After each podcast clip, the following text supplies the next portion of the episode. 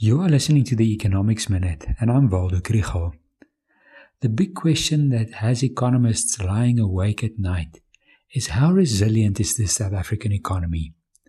The answer to this is that it depends a lot on consumers. We know that the contraction of the economy in 2020 led to losses of income and jobs.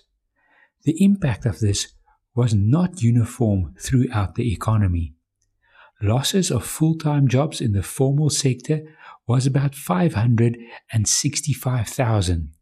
But when agriculture, the informal sector and households are taken into account, the total job losses were 1.3 million.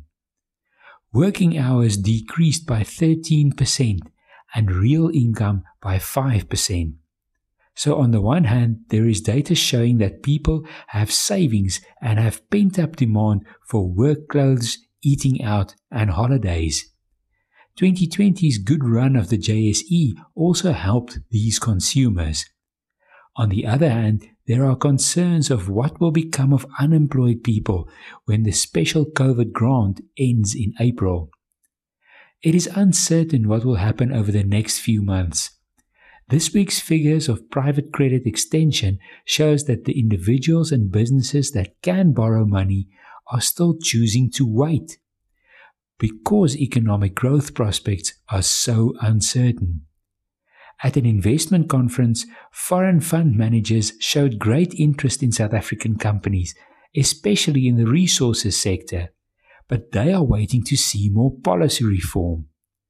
Meanwhile, South Africa lags behind other countries in the rollout of the vaccination program.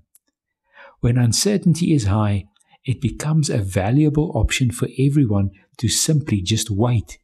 But that is something we cannot afford right now.